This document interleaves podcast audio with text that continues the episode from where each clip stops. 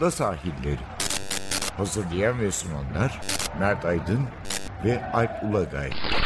Londra'dan Dünya Spor Gündemi.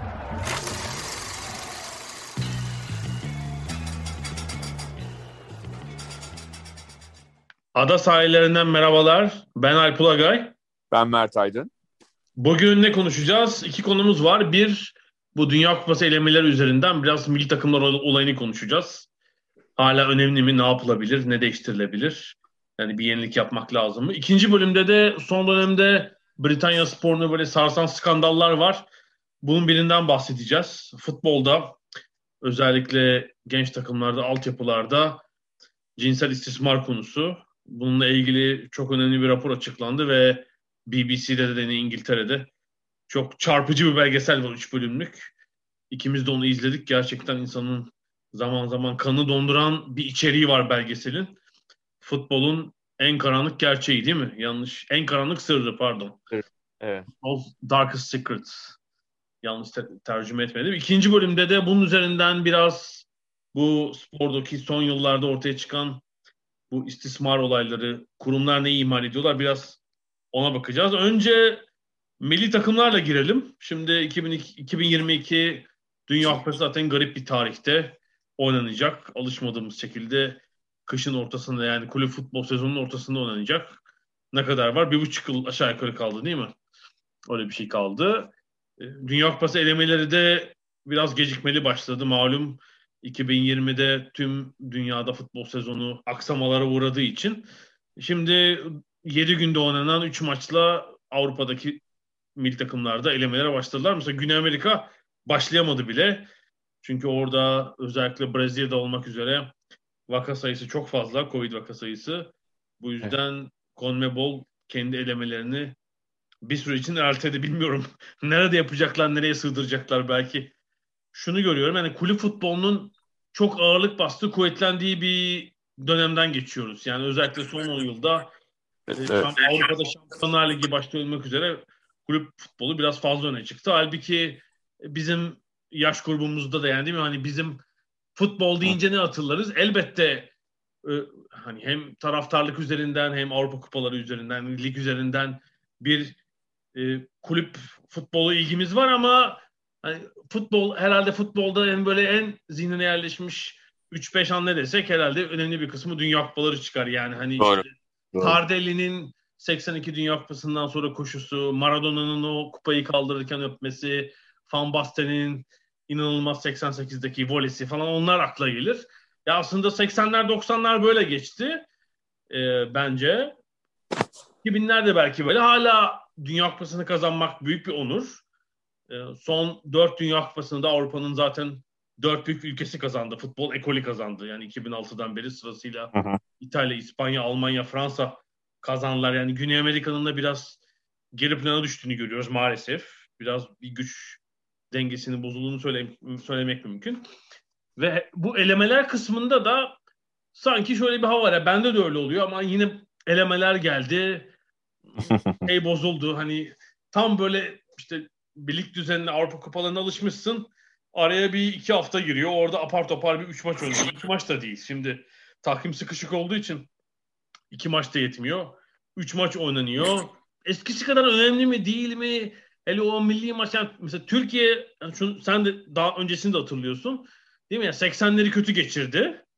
Evet. 80'lerin sonu hariç hiç böyle bir iddiası olmayan Türkiye vardı ama milli maçın ayrı bir önemi var. Yani İngiltere'ye yeneceğini bile bile o maç büyük önem taşırdı mesela falan böyle bir Artık şeyler de o zaman önem taşırdı. Yani hazırlık maçı da önem taşırdı. Maç Herhangi... sayısı da az tabii değil mi? Yani yılda zaten 6 evet. maç oynuyorsun. Yani o dönemin yıldız oyuncularını düşündüğümüzde e, bugün bazılarımızın adını hatırlamadığı bazı oyuncular yani birkaç yıl önce ortaya çıkıp adını gerçekten unutmuş yani hatırlamadığı demeyelim ama biri deyince aa hakikaten öyle biri var dediğimiz oyuncular e, 80'li yılların yıldızlarından daha fazla milli oldular. çok çok net yani bu hani e, bakıldığında ya mesela ben şeyi hatırlıyorum Fatih Terim Fatih Hoca bir ara Can Arat'ı e, Fenerbahçe'de tam forma giremeyen Can Arat'ı milli takıma şey yapmaya çalışıyordu. E, monte etmeye. Baktım Can 8 kez A milli olmuş. 8 kez A milli olmayan büyük oyuncular var geçmiş yıllarda yani.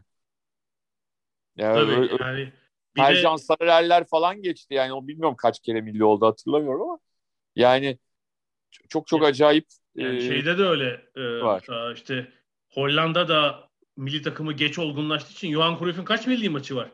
Komik bir rakam. 40, 48 midir nedir? Tabii tabii yani az bir de az maç yapıyorlar dediğin gibi. Yani sadece e, milli takımların eskiden Dünya Kupası e, çünkü çünkü Avrupa Şampiyonaları da zaten 8 takımla falan oynanıyordu 80'li yıllarda. Yani orada da zaten çok fazla milli maç yine yapmıyorsunuz. E, Dünya Kupası'na gidip böyle 7 maç falan yapmadınız. Dünya Kupası'na gittiğiniz için hazırlık maçı da oluyor. Yapmadığınız sürece bir yılda oynadığınız maç sayısı da çok sınırlıydı. Şimdi bu sene bir de bu senelerde işin içine bir de Avrupa'da e, uluslar kupası denilen, uluslar ligi denilen e, çözmekte zorlandığımız bir organizasyon daha katıldı. Yani şöyle bir şey var. Bundan birkaç ay önce biz sallıyorduk milli takım küme düştü diye. Şimdi milli takım o süper gidiyoruz falan gibi bir durum oldu. Yani e, kafalar da karışık açıkçası bu o fazla organizasyondan. Yani e, hani hatırlarsa hep şikayet ediyorduk. Yani bu tip bu organizasyonu buraya koyuyorsunuz. Tamam hazırlık maçı olmasın, böyle maç olsun diye ki bir de işte pandemi gelince iyice karıştı. Ama iş e, kadın voleybolundaki ve erkek voleybolundaki yaz, yaz aylarına dönmeye başladı. Yani orada da biz takip edemiyoruz milli takımlar ne yapıyor diye. Yani büyük Avrupa ya da dünya şampiyonası dışında yok Grand Prix, yok bilmem ne kupası, dünya kupası, e, bilmem ne Grand Prix'si falan derken evet. şöyle bir kafası var UEFA'nın ve FIFA'nın. Şunu görüyorum yetkililerinin konuşmalarından da. Hani birbirleriyle rekabet de ediyorlar bir yandan. Ama diğer taraftan fazla maç oynanması bir spor dalının faz, daha fazla daha heyecanla takip edilmesi anlamına gelmiyor. Ya bunu hala anlamış değiller. Yani bu, bunu çözebilmiş değiller. Sen bunu çok söylüyorsun. Sonra ben de sen birkaç kere söylediğin için e, biraz daha fazla hak verdim. Yani belli bir sayının üzerine çıkardığınızda çünkü bir oyuncuların da hem fiziksel hem zihinsel bir kapasitesi var yani bir noktada. E, Tabii. E, kadroları büyütseniz de e, elbette as oyuncularınızı daha fazla oynatmak istiyorsunuz. Abi biz onun dışında bizim de zihinsel kapasitemiz var yani. İzleyenlerin. de değil mi? E, tabii tabii. Yani şimdi bak şöyle bir şey var. E, bütün insanların özellikle bu işte Netflix tarzı şeyler çıktıktan sonra e, imkanlar da çıktıktan sonra işte Apple TV'ler, Netflix'ler, e, Amazon'lar, şunlar bunlar bir sürü bir sürü platform çıktıktan sonra en büyük zevklerinden birisi bir de e, işte yarı korsan yarı şey streamingle gelen e, şeyler var. Diziler, filmler herkes izliyor değil mi? Büyük bir heyecanla. Bu insanların bir hobisi oldu. Ailece oturuyorlar, e, film izliyorlar. insanlar eşleriyle, dostlarıyla değil mi? Çok güzel. Ama bu pandemi döneminde ne oldu? Herkes eve kapandı ya. İnsanlar günde 8 film falan seyretmeye, dizi. şimdi, şimdi bakıyorum insanlarda bıkkınlık başladı. Yani abi Netflix'te dizi kalmadı. Yok bilmem nerede bilmem ne kalmadı. Bir şeyi suyunu çıkarmayacaksın. Suyunu çıkardığın zaman yani en sevdiğin şeyden bile bakabilirsin ya. Yani fut, futbol da öyle bir şey. İnsanların zevki belli bir sayıda tutman gerekiyor. Zaten artık eskisi gibi değil. Yani ben çocukken, sen çocukken biz hafta sonunda Türkiye Ligi'nin yanı sıra İngiltere, Almanya, İtalya, İspanya, Fransa, bilmem ne Hollanda seyredemiyorduk ki. Dünyada da kimse yani dünyada da seyredilmiyordu zaten öyle bir şey yok. Haberi salı günü geliyordu ya. Salı günü ancak ayrı hani, hani o zaman ne bileyim ben Almanya'da da oturup herkesin İngiltere Ligi falan seyredebildiğini düşünmüyorum. Yani şeyden dolayı hani o zamanki yayıncılık e, e şimdi zaten biz her hafta sonu isteyen daha doğrusu meraklısı bilmem kaç tane kanaldan bilmem kaç tane Avrupa Ligi'nin maçını takip edebiliyor. Bir de üstüne siz milli takımı gereksiz yere bilmem ne kupası yok bilmem ne bir de e, hala Infantino Dünya Kulüpler Kupası diye 20 takım, 20 küsür takımla turnuva yaptırmaya çalışıyor. Ya anlamıyorum yani gerçekten durumu anlamıyorum. Ya ben mesela üniversite birinci sınıfının ilk günlerinde öğrendiğim bir şeydi. Aslında biliriz de hani derste Allah rahmet eylesin. E, huzur içinde yatsın. Demir Demirgil, Profesör Demir Demirgil Boğaziçi Üniversitesi'nde e, Ekonomi 101 dersinde şunu anlatırdı. Bir insan çok susadığında ilk suyu içer, ilk bardağı içer ve inanılmaz bir tatmin duygusu vardır. Ama devam eder o susuzluk ve içtikçe ikinciyi, üçüncüyü giderek daha az tatmin olacaktır. Daha az çünkü bitmiştir iş yani. Sen doymuşsundur artık. Ya bu, bu kadar basit bir kural yani hani üniversitelerde ekonomi bölümlerinde birinci sınıfın ilk döneminde öğreniyorsun. Bunu koskoca e, UEFA başkanı, FIFA başkanı o bu nasıl anlamıyorlar, nasıl çözemiyorlar? Çö- anlamış değilim yani ilgiyi e, anlayabilmek için UEFA Nations League'deki falan maçlardaki seyirci oranlarına baksınlar ya. Yani şey izlenme oranlarına baksınlar. Ya, inanılacak gibi değil yani. İnanılacak gibi değil. Bir de seninle ne? konuşuyorduk. Şimdi bir de e, yani ağzından çıkan her laf bir garip bir şey oluyor. Bu Arsene Wenger işte FIFA'da onun bir onun bir görevi var. Bir de en son önerisi sen de okumuşsun. İşte Dünya Kupası iki yılda bir olsun. Mesela 2022, 24, 26, 2 yılda bir Dünya Kupası. Aralardaki tek yıllarda da kıta şampiyonları. Yani şöyle olacak Wenger'in tarifine göre, önerisine göre işte 2024 Dünya Kupası, 25 Avrupa Şampiyonası ve işte Copa Amerika, Afrika Şampiyonası, 26 bir daha Dünya Kupası, 27 tekrar Avrupa Şampiyonası. Hiç du- durdurak bilmeyen bir şey önermiş. Var bir de arada. Şimdi bunlarda durup dururken her takımı katmıyorsun ki. Bunlara eleme oynatman gerekiyor. Yani çok, çok Acaba dönü- dönüşümlü mü öneriyor mesela? Hani Dünya Kupası'nı bir 32 oynasın, öbür 32 de bir sonraki. Valla kendisine sormak lazım. Kendisine sormak lazım. Ya bazen... Yani şöyle olabilir. Kendisine şöyle denmiş olabilir. Hani kendi fikrini söyleme de sen ne kadar çok Dünya Kupası oynatabilirsin buna bir matematik formül bul demiş olabilirler. ya biliyorsun zaten bu üst düzey diyelim ki hani bir İspanyol, İngiliz, Alman futbolcu bir de işte kendi ülkesinin ya da Avrupa'daki üst düzey bir kulüp takımında oynuyorsa zaten pek ona dinlenme şansı yok. Yani dört yılda bir kez falan gelir zaten. Bir böyle bir yazı bir hani bir yedi hafta tatilde geçirmek. Dört yılda bir geliyor belki yani şeyleri düşünelim işte. Hani Barcelona'nın Real Madrid'in oyuncu kuşağını. Yani ne kadar tatil yapmışlardı bilmiyorum onlar. Çok az herhalde. Geçen işte 2005 ile 2007 ile 2017 arası falan yani pek tabii ki tabii ki tabii ki. Tabii yani ki. Bu şeyden de kaynaklanıyor. Ee, Amerika'da sağlam bir altyapısı var bunun. Oyuncu birlikleri hatta sendikaları diyebiliriz onlara. Hı hı. Onlar biliyorsun bir sürü sınır koyuyorlar meslekleriyle, işleriyle ilgili. İşte bana şu kadar maç oynatabilirsin. Ee, tabii. E, haftada şu kadar izin vermen lazım. İşte doping testinin sınır var falan. Şimdi futbolda bir dünya çapında birlik olmadığı için futbolculara daya dayayabildiğin kadar maç. E, üst düzey en üst düzey futbolcular da diyelim ki böyle bir 100 150 futbolcu çok kazanan dünyada. Onlar da belki çok çok kazanıyorlar diye seslerini çıkarmıyorlar. 50 maç, 55 maç, 60 maç. Ama işte pozisyon e, performans düşüyor. Yani sakatlanıyorlar, performansları düşüyor. Ee, sonra da şey diyorlar. E, Dünya Kupası kazanmazsa nasıl tarihin en iyi oyuncusu olacak? Abi Messi ile Ronaldo ya tamam e, Maradona toprağı bol olsun. Hepimiz çok hayrandık, hepimiz çok beğendik. Pele neyse bütün o eski yıldızlar hepsi iyiler, güzeller ama hepsinin oynadıkları maç sayısı çok sınırlı her sene. Yap. Yani şimdi Messi ile Ronaldo ne yapsınlar abi şeyde her yaz zaten o yaza kadar canları çıkıyor.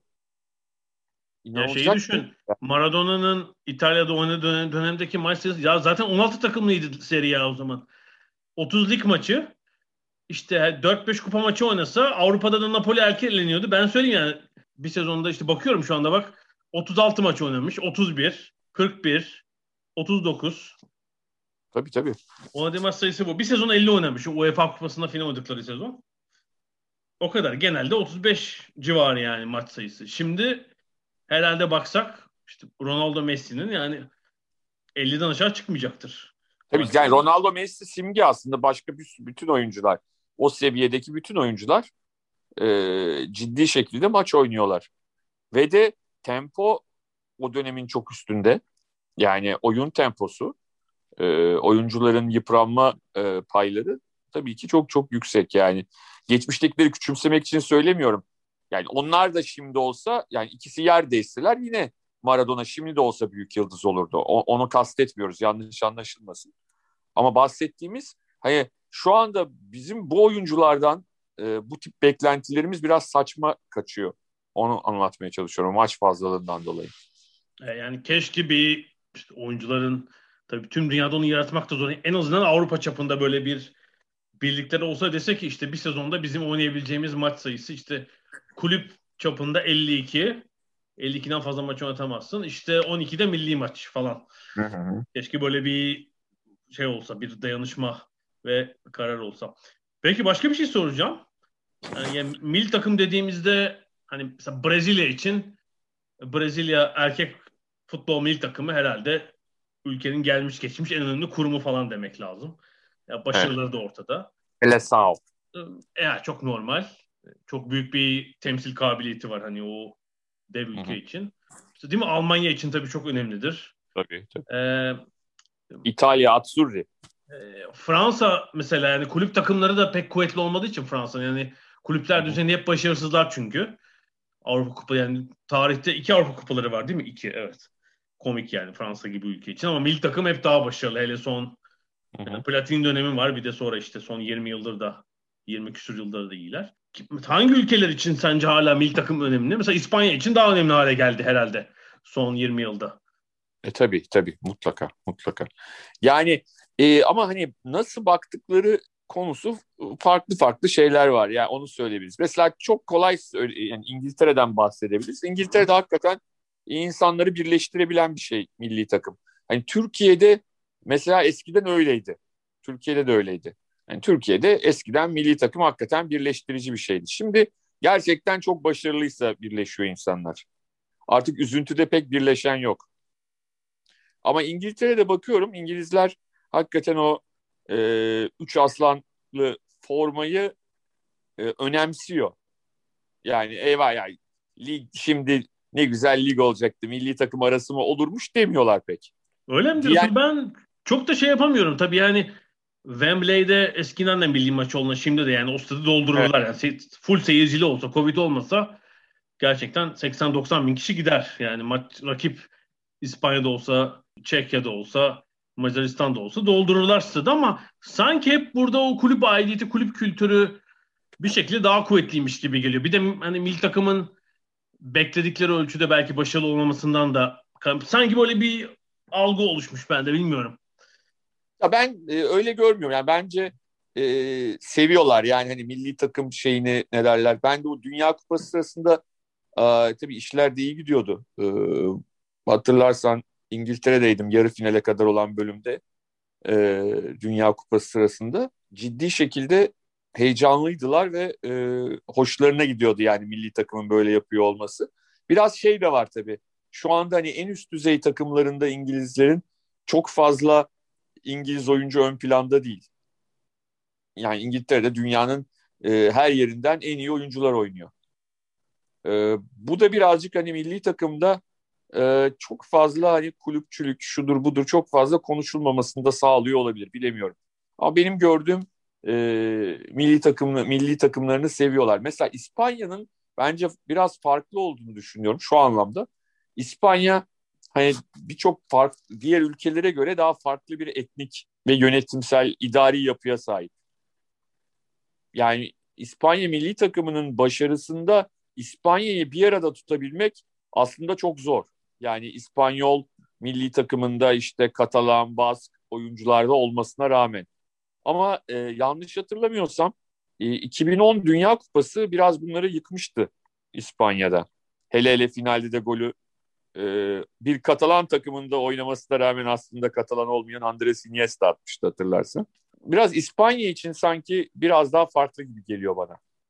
E, mesela Fransa Almanya'nın tersine İspanya'da hep o özellikle Real Madrid Barcelona rekabeti o çekişme hep milli takımın önündeydi sanki falan ama işte 2008'e kadar bir türlü 60'lardakini saymıyorum. Bir türlü başarılı olamamışlardı. O yüzden hep sanki kulüp rekabeti milli takım önündeymiş gibi gelirdi ama tabii orada acayip bir yani üst, üst üste 3 turnuva kazanıp.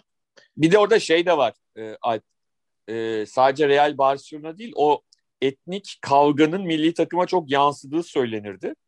Ama onu da biraz şöyle e, ortadan kaldırdılar.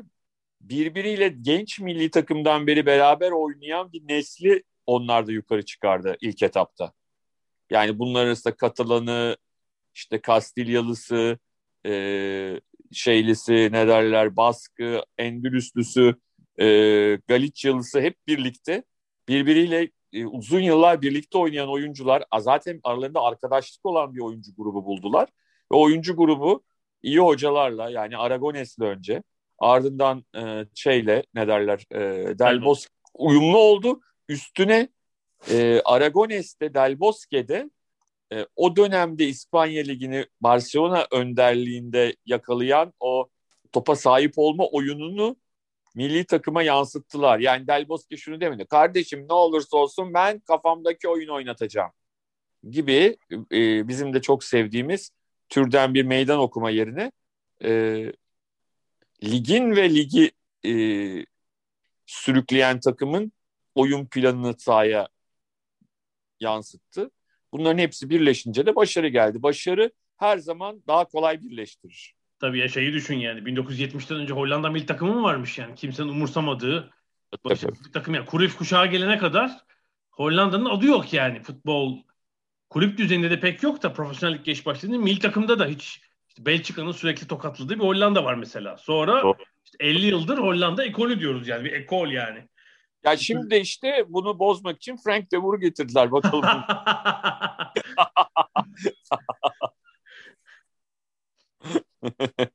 Gerçekten öyle galiba evet.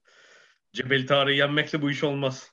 Cebel Tarık'ı Ya orada da ben Türkiye şeyi görüyorum. Hani bizim kamuoyu şeyinde hani böyle Cebeli Tarık yenince Frank de bu coşmuş ya. Böyle basın toplantısında ödö hede hödö falan diye ya inanamadım yani. Peki bir de şimdi Avrupa'daki gruplarla ilgili e, bir şey geldi aklıma. Şimdi uzun yıllar biliyorsun UEFA rahattı. Herhalde 1960'tan 90'a kadar falan 33 federasyon üyesi vardı UEFA'nın. Hani biri de ev sahibi falan oluyor. Hatta çek, katılmayan oluyor falan. 32 takımla her şey yapmak kolay ayarlamak yani. Hani dörtlü grup yaparsan 8 grup olur. İşte beşli altılı ayarlamayı yapmak belki daha kolaydı o zaman. Sonra giderek takım sayısı artışı kaç? 54 galiba değil mi? 54 üye mi var? Ya 54 ya 55. Yani inanılmaz. Ve de şey de uzadı yani işte Kazakistan da UEFA üyesi. Tabii mesela İzlanda uzun süre katılmıyor bir şeyler. Yani kuzeyden şimdi oradan bir mesafe var. E, doğuya doğru e sonra işte e, Gürcistan, Azerbaycan, İsrail, Ermenistan üstüne Kazakistan falan Asya'nın ortalarına doğru uzayan bir UEFA kapsama alanı var. Bununla baş etmek de kolay değil. Yani arada kaç kilometre vardır bilmiyorum. Yani İzlanda, Kazakistan deplasmanı 7 saat falan sürer herhalde gitmek. E oldu zaten canım. Bizle de aynı gruptaydılar ya İzlanda, Kazakistan 2000, Euro 2016. doğru doğru evet doğru. Yani 7 saat yani. Belki daha fazla. 7-8 saat sürüyordur herhalde gitmek. Ya bir de saat farkı var. Hani o 7-8 saatle bitmiyor. Gittiğinde bir de ona o saat farkını ekle. Ee, Jetlag. Jetlag yer dönersin evet. Yani evet. Jetlag'in bile, jetlag e, deyiminin bile e, açıklayamayacağı kadar vahim bir durum olabilir evet. Ben Yetmiyor. şeyi düşünüyordum. Şimdi 54 biraz fazla.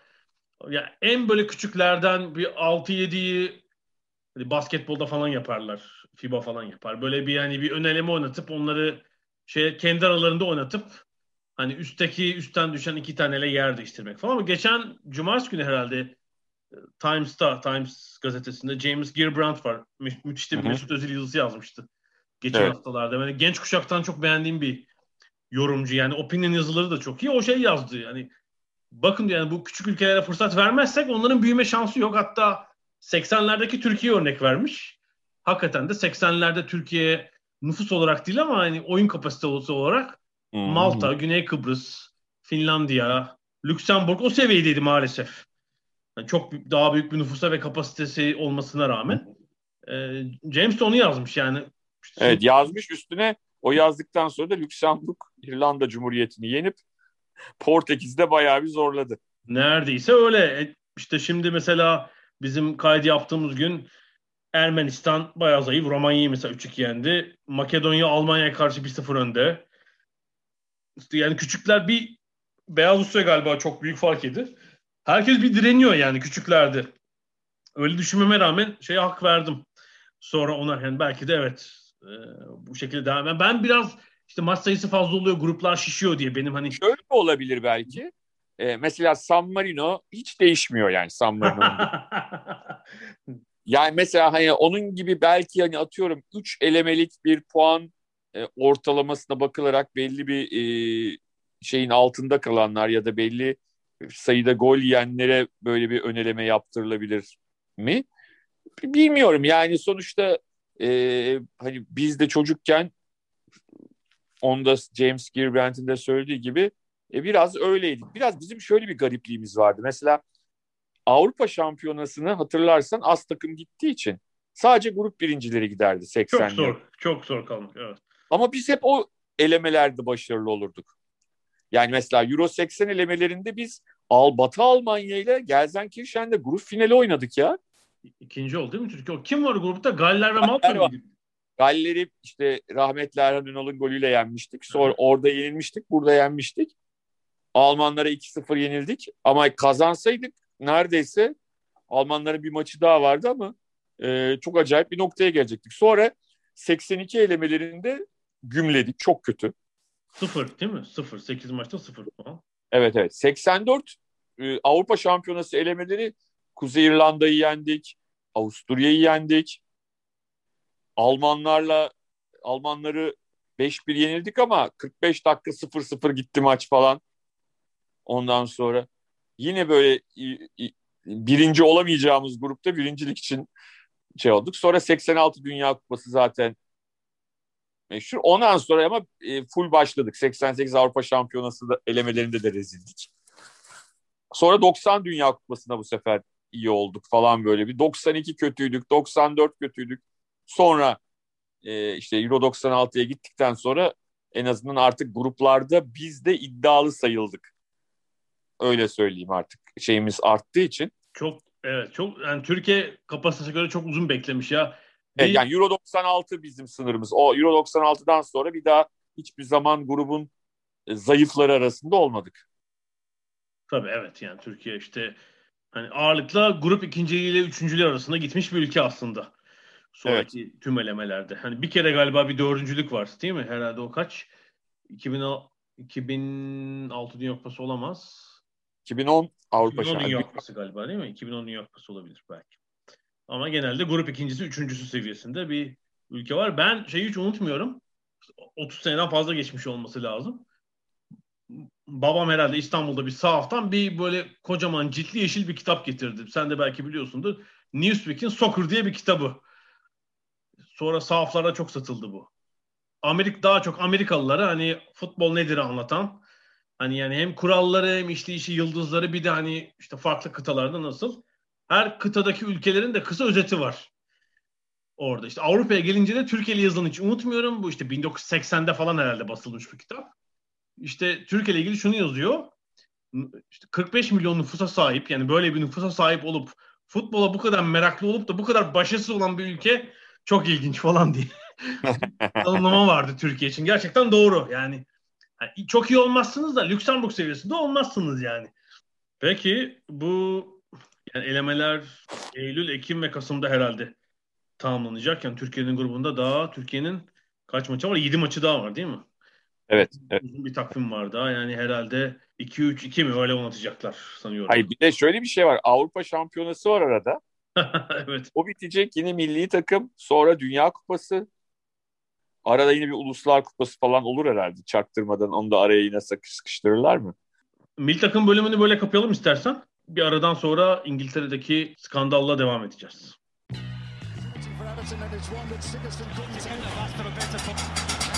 Ada sahilleri. Londra'dan Dünya Spor Gündemi.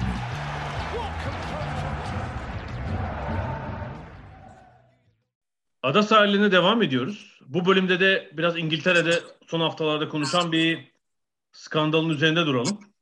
BBC'de yayınlanan bir belgesel ve İngiltere Futbol Federasyonu'nun hazırlattığı bağımsız bir uzmanı hazırlattığı rapor üzerinden futbolda özellikle genç takımlarda, küçük takımlarda, altyapılarda bir cinsel taciz, tecavüz skandalı daha doğrusu yani ülke çapına ülke çapındaki birkaç noktada seri pedofiller skandalı demek lazım buna. Evet. Çarpıcı da bir belgesel var BBC'de İngiltere'de 3 bölümlük. Football's Darkest Secret. Futbolun en karanlık sırrı. Gerçekten de öyle. Ee, biraz iç kıyan bir belgesel aslında. Yüzde yüz. Yani birer saatlik hatta ikinci bölümü bir saatten de uzun galiba. Televizyondan yayınladılar. BBC'nin platformundan da izlemek mümkün. Özellikle İngiltere'deki takipçiler için söylüyorum. Tabii ki bu belgeseldeki hikayeler e, günümüzde geçmiyor. Yani çok geçmişte yaşanmış hikayeler. Hani günümüzde bunlar ne kadar var, ne kadar yok, e, eskisi kadar var mı, olmadığı iddia ediliyor eskisi kadar. E, ama nedir, ne değildir e, bunu şu anda e, herhalde ortaya çıkması da çok kolay değil. Yani şöyle bu e, İngiltere Futbol Federasyonu'nun iki hafta önce açıkladığı bağımsız uzmanın raporu yani futboldaki e, cinsel istismar raporu 1970 ila 2005 yıllarını kapsıyor. Evet, evet. Yani 50 yıl önceye kadar giden bir geçmişi var. Sadece hazırlanması biraz uzun sürmüş tabii yani. Gerçi son 4 yılda herhalde üzerine çalışıldı bu raporun. Ancak 2005'ten sonra bile herhalde bir takım ihmalleri var Futbol Federasyonu. Yani ben şunu görüyorum bu biraz da şunlarla paralel konuşmak lazım. Bu e, Amerika Birleşik Devletleri'ndeki jimnastikteki Larry Nassar ve Amerika e, Fransa'da eski artistik buz patenci Sarı Abitbol'un yazdığı kitaptan sonra ortaya çıkan özellikle buz sporlarında ortaya çıkan hı hı, hı. seri cinsel istismarlar olayıyla birlikte düşünmek lazım. Yani, seri saldırganlar var. Bu tabii, tabii. İngiltere örneğinde de mesela Newcastle kulübünde, e, Southampton kulübünde, e, Manchester City kulübüne yakın çalışan ya Crew Alexander tabii yıllarca Dario Gradi sebebiyle alt kümelerde de olsa biraz uzaktan böyle ilgili takip ettiğimiz bir alt küme takımında genç takımlarda ya da küçük takımlarda çalışan bir seri saldırgan ve tecavüzcü var. Bunlar muhtemelen yüzlerce çocuğa, çocuğa herhalde binlerce, on binlerce kez e, saldırıda ve tecavüzde bulunmuş ve buna göz yumulmuş. Yani bu Amerika'daki, ABD'deki örnekte de aynı, Fransa'daki örnekte de aynı. Uzun yıllar boyunca bunun ne kadar hassas bir konu olduğu, aslında çocuklarla yetişkinlerin bir arada bulunduğu ortamlarda bir çapraz kontrol gerektiği, bir birkaç aşamalı denetim mekanizması gerektiği bir türlü anlaşılamamış. Yani şeydeki örnek de çok bariz. Bu belgeselde de gördük. Yani bir takım olayları böyle oradan buradan duyanlar var. Küçük olayları ama yani olmaz diyor. Arkadaşına laf kondurmak istemiyor. Çünkü mesela takım teknik direktörünün de İngiltere'de yakın çalışma arkadaşı. Onu oyuncu bulan adam. Yani şimdi onun belki suçlanmasını, kulüpten atılmasını istemiyor. Bir çok da böyle çok fazla sayıda olay yoksa kulağına gelen biraz gözlümüyor. Şeyde de öyle. Yani Larry Nassar skandalında evet. Netflix'te The Athlete galiba değil mi o belgeselin ismi? Yani o da iç kıyıcı bir belgesel. Oradan biraz o olayı öğrenmek için onu da izleyebilirsiniz. Yani mesela ya, Michigan, Michigan evet. Üniversitesi'nde Larry Nassar ar- arka çıkanlardan biri. Orada yüzlerce genç kız jimnastikçi söz konusu. Yani kadın çalışma arkadaşları Larry Nassar'ın. Ona bir şey olmaz, o yapmaz diyorlar. Çünkü e, ya birbirini kollayan bir yapı söz konusu orada. Yani kadın orada idari görevli, Larry Nassar işte takımın terapisti falan. E, İngiltere'deki böyle bir durum. Yani kurumlar da, kulüpler de yani hem o sporu regüle eden kurumlar burada İngiltere Futbol Federasyonu ve kulüpler kulaklarını kapamış yani. Kulaklarının üzerine yatmış açıkçası. Ben öyle görüyorum. Ve de e, buradaki asıl sıkıntılı bölüm çocukların e, bize inanmazlar düşüncesiyle e, bunu yıllarca söyleyememesi.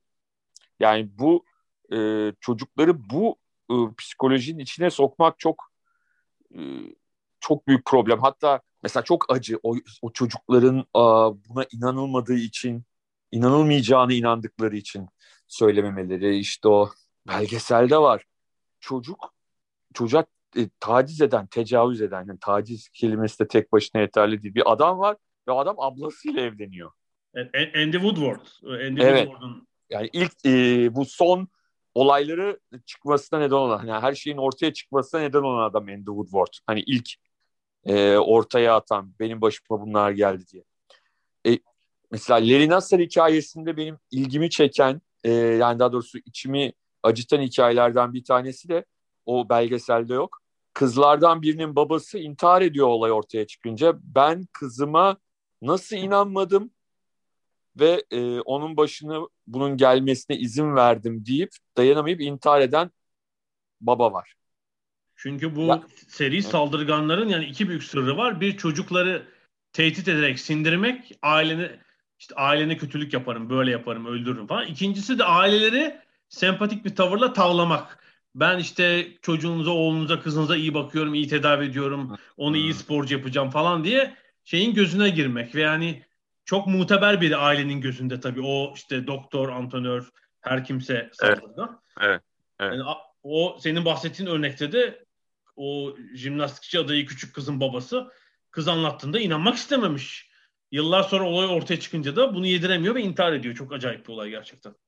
Yani sporcu çocukluğu ya, ya hala dediğim gibi bak cümleleri kurmakta zorlanıyorum çok e, çok sarsıcı. Ee, ya, koca hem koca 50 yaşında... hikayesi sarsıcı hem bu futbolcu meselesi sarsıcı. Çok yani e, özellikle anne baba olanlar için seyretmesi çok zor. Ya 50 50 60 yaşında adamlar koca koca adamlar anlatıyorlar belgeselde.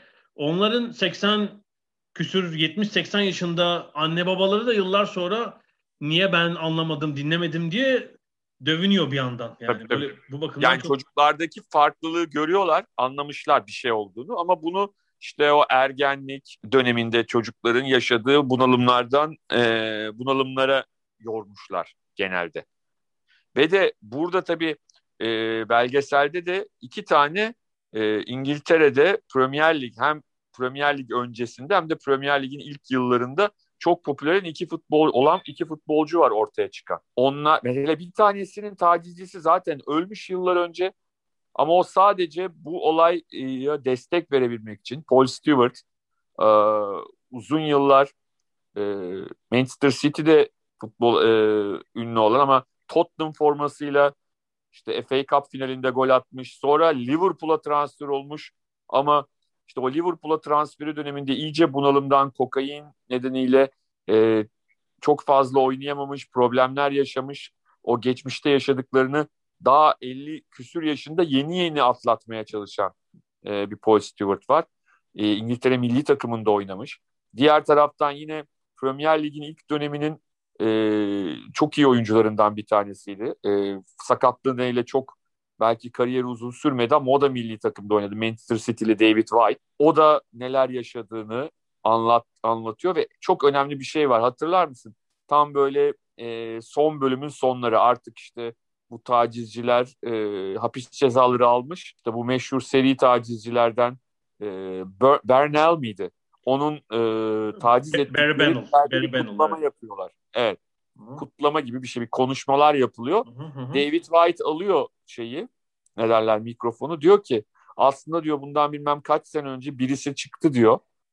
E, evet. Bir arkadaşımız. Biz ona diyor hiçbirimiz o zaman destek vermedik. E, Ve o yüzden o tek başına Ian evet. Ackley evet. Ian Ackley çünkü 20 sene önce bir başka haber programında anlatıyor. Anlatıyor. 97, çıkıyor. Ne zaman ki Andy Woodward anlatıyor o zaman yavaş yavaş insanlar e, ona destek vermeye çıkıyor.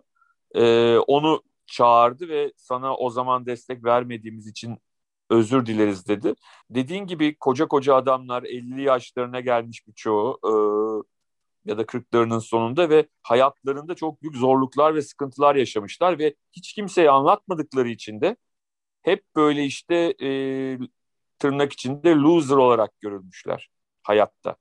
Yani David White ve Paul Stewart bir şekilde profesyonel olarak başarılı olmuş iki tane isim ama onun dışında e, o belgeselde de gördüklerimiz alt liglerin ötesine gitmemiş, o tacizlerin ağırlığının altından kalkamamış e, ve dediğin gibi anneleri babaları bir tanesi hatırlarsan e, bu işe başlamış ondan sonra trafik kazasında hayatını kaybetmiş. Evet, Billy, Billy Seymour galiba. Evet. Trafik kazası. Yani onun içinde o e, o şeydeki neydi mi Southampton'daki e, saldırganın Evet Higgins'in Higgins değil mi? Evet.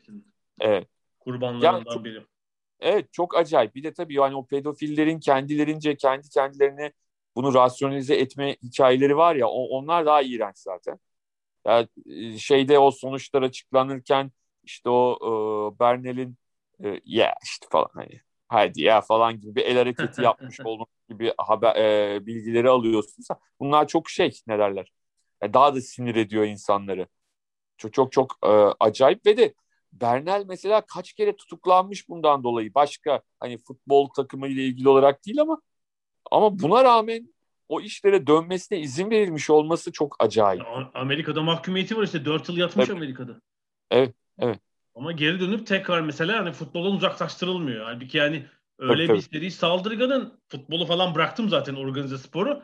Yani çocuklarla tabii. ilgili herhangi bir yaklaşmaması bile lazım mesela çocuklarla ilgili bir tabii, tabii, tabii. ortama muhtemelen ki kendi çocuğu da var yanılmıyorsam. Böyle bir sorun da var. Ben e, tabii tek tek bu konuda bilinçlenme, ilerleme nasıl oldu, önlemler tam nasıl bilmiyorum. Bir tek geçen hafta bahsettiğim James Miller'ın kitabı vardı. Ask a Footballer. Orada ilginç bir şey vardı bir satır arasında. James Milner 16 yaşında Leeds A takımına girdiği için işte genç takım A takım diye antrenmana çıkıyor. İşte ilk bir iki maçı Ellen Road'da ama sonra sakatlar var. Oyuncu eksik ve deplasmana götürecekler. Ya yetişkin bir oyuncuyla 16 yaşında yetişkin bir oyuncuyla aynı odada kalmış deplasmanda. Bugün mümkün değil diyor. Yani şunu öğrendim. En Premier Lig ya da Futbol Lig'de herhalde eğer kadroda 18 yaşından küçük bir oyuncu varsa yetişkin bir oyuncuyla aynı odada kalamıyor mesela artık. Bu arada kural değişmiş. 2000 2003'ten bu yana, 2002'den bu yana böyle bir değişiklik olmuş. Yani hangi, hangi noktada olduğunu bilmiyorum ama mesela dikkat ettiğim pratik değişikliklerden biri. Acayip. Larry Nassar'da dediğin gibi Netflix'ten e, oturup seyredilebilir. Ama e, yani seyretmeden önce sinirlerinizin sağlam olup olmadığını kontrol etmeniz gerekiyor. Yani şey de ilginç tabii işte o demin söylediğim kurumların da uzun süre soruşturmakta, bu olaya el atmakta kulüplerin direnmesi yani e, elbette burada saldırganların İngiltere'de önemli bir kısmı ağır hapis ağlarına çarptırılmış gözüküyor. Larry Nassar 160 yıl yemişti galiba ABD'de. Hatta bir cezada alacaktı muhtemelen. Ee, ömrünün kalanını hapiste tamamlayacak haklı olarak. Ama mesela kurumlar böyle kolay kurtaramamalı gibi geliyor. ABD'de sanıyorum bir kurbanlarla e, Jimnastik Federasyonu arasında, Michigan Üniversitesi arasında bir tazminatla hesaplaşma oldu. Mesela yani burada bu BBC'nin belgeselinde sözü geçen kulüpler böyle kolay kurtarabilir mi? Bana biraz garip geliyor çünkü hepsinin ihmali var yani. Newcastle, Southampton. Ama şöyle bir durum var. O, o kulüplerin çoğu e, İngiltere'deki sahip değiştirmiş durumda birçoğu. Ne bileyim bazıları yabancı yatırımcılar tarafından alınmış durumda. Hani onları sorumlu tutmak o kadar yıl sonra çok kolay değil mesela. Ama ya şöyle zaten o zamanki evet. yöneticileri, yönetim kurulu üyelerinin falan çoğu ölmüştür bence o kulüplerin de. Ben bahsettiğim bir kurbanlara tazminat hakkı doğması yani kulüp. Tabii tabii olabilir. Evet yani doğru söylüyorsun. Ondan bahsediyorum yoksa. Tabii ama şeyler var yani sonuçta Dario Gradi nihayet e, beyefendi e, özür diledi. Olaylar artık hani onun e, reddedemeyeceği bir açıklığa kavuştuktan sonra. Teşekkürler Dario. yani. Hı. Ve de bu kadar kolay aslında önlenebilecek şeyler bunlar. Yani çok kısa sürede daha belki birinci, ikinci, üçüncü çocukta mesela orada şey hikayesi var. Yani tamam bilinmiyor güya ortada değil ama hani anlatıyor çocuklar rakip takımla gittiğinde e, e, işte yaş grupları maçlarında diğer taraf olayları biliyormuşçasına bir takım laflar atarmış bu takımlara. Bu minik takımlara. Yani çok da hiç kimsenin haberdar olmadığı bir durum değil. Münferit bir olay değilse bu kadar seri ve yıllarca sürüyorsa zaten tamamen saklı kalmasına imkan yok. Bir yerden sızar yani ama işte soruşturmak ve üzerine gitmek başka mesele tabii. Tekrar söylemek lazım. Bu gibi durumlarda e, çocukların aileleriyle birlikte bu işin içinde olması gerekiyor. Çocukların tek başına kaldırabileceği bir yük değil bu. Tabii evet yani kulüp, aile, belki de federasyon işbirliği içinde. Yani Amerika'daki hikayede aileler nihayet ayaklandığı için, kamuoyu bilgilendirildiği için artık orada geri dönüşü olmayan bir yol var. Yola girilmiş. Ee, iş sadece jimnastik federasyonuna kalsa e, üstünü örteceklerdi. hikaye. Tabii, tabii işte FBI soruşturmasını geciktirmeye falan çalışıyorlar zaten yıllarca. Bayağı ciddi bir sıkıntı var. Sanıyorum biraz ikinci bölüm iç karartıcı olmuş olabilir ama çok da kritik bir konuydu. Onu konuşmak istedik. Ama bu haftayı böyle kapatıyoruz anladığım kadarıyla. Gelecek hafta belki biraz Premier Lig'den bir şeyler konuşuruz. Agüero'nun vedası var malum. Evet. Belki forvetler Premier Lig öyle bir şey yaparız, öyle bir tema seçeriz. Gelecek haftaya kadar görüşmek üzere diyorum. Hoşçakalın. Görüşmek üzere, hoşçakalın.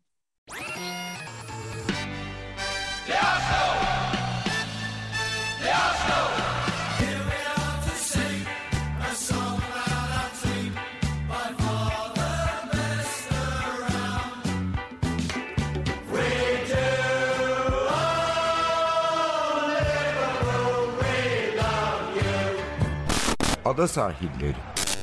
Hazırlayan ve sunanlar Mert Aydın ve Alp Ulagay. Londra'dan Dünya Spor Gündemi.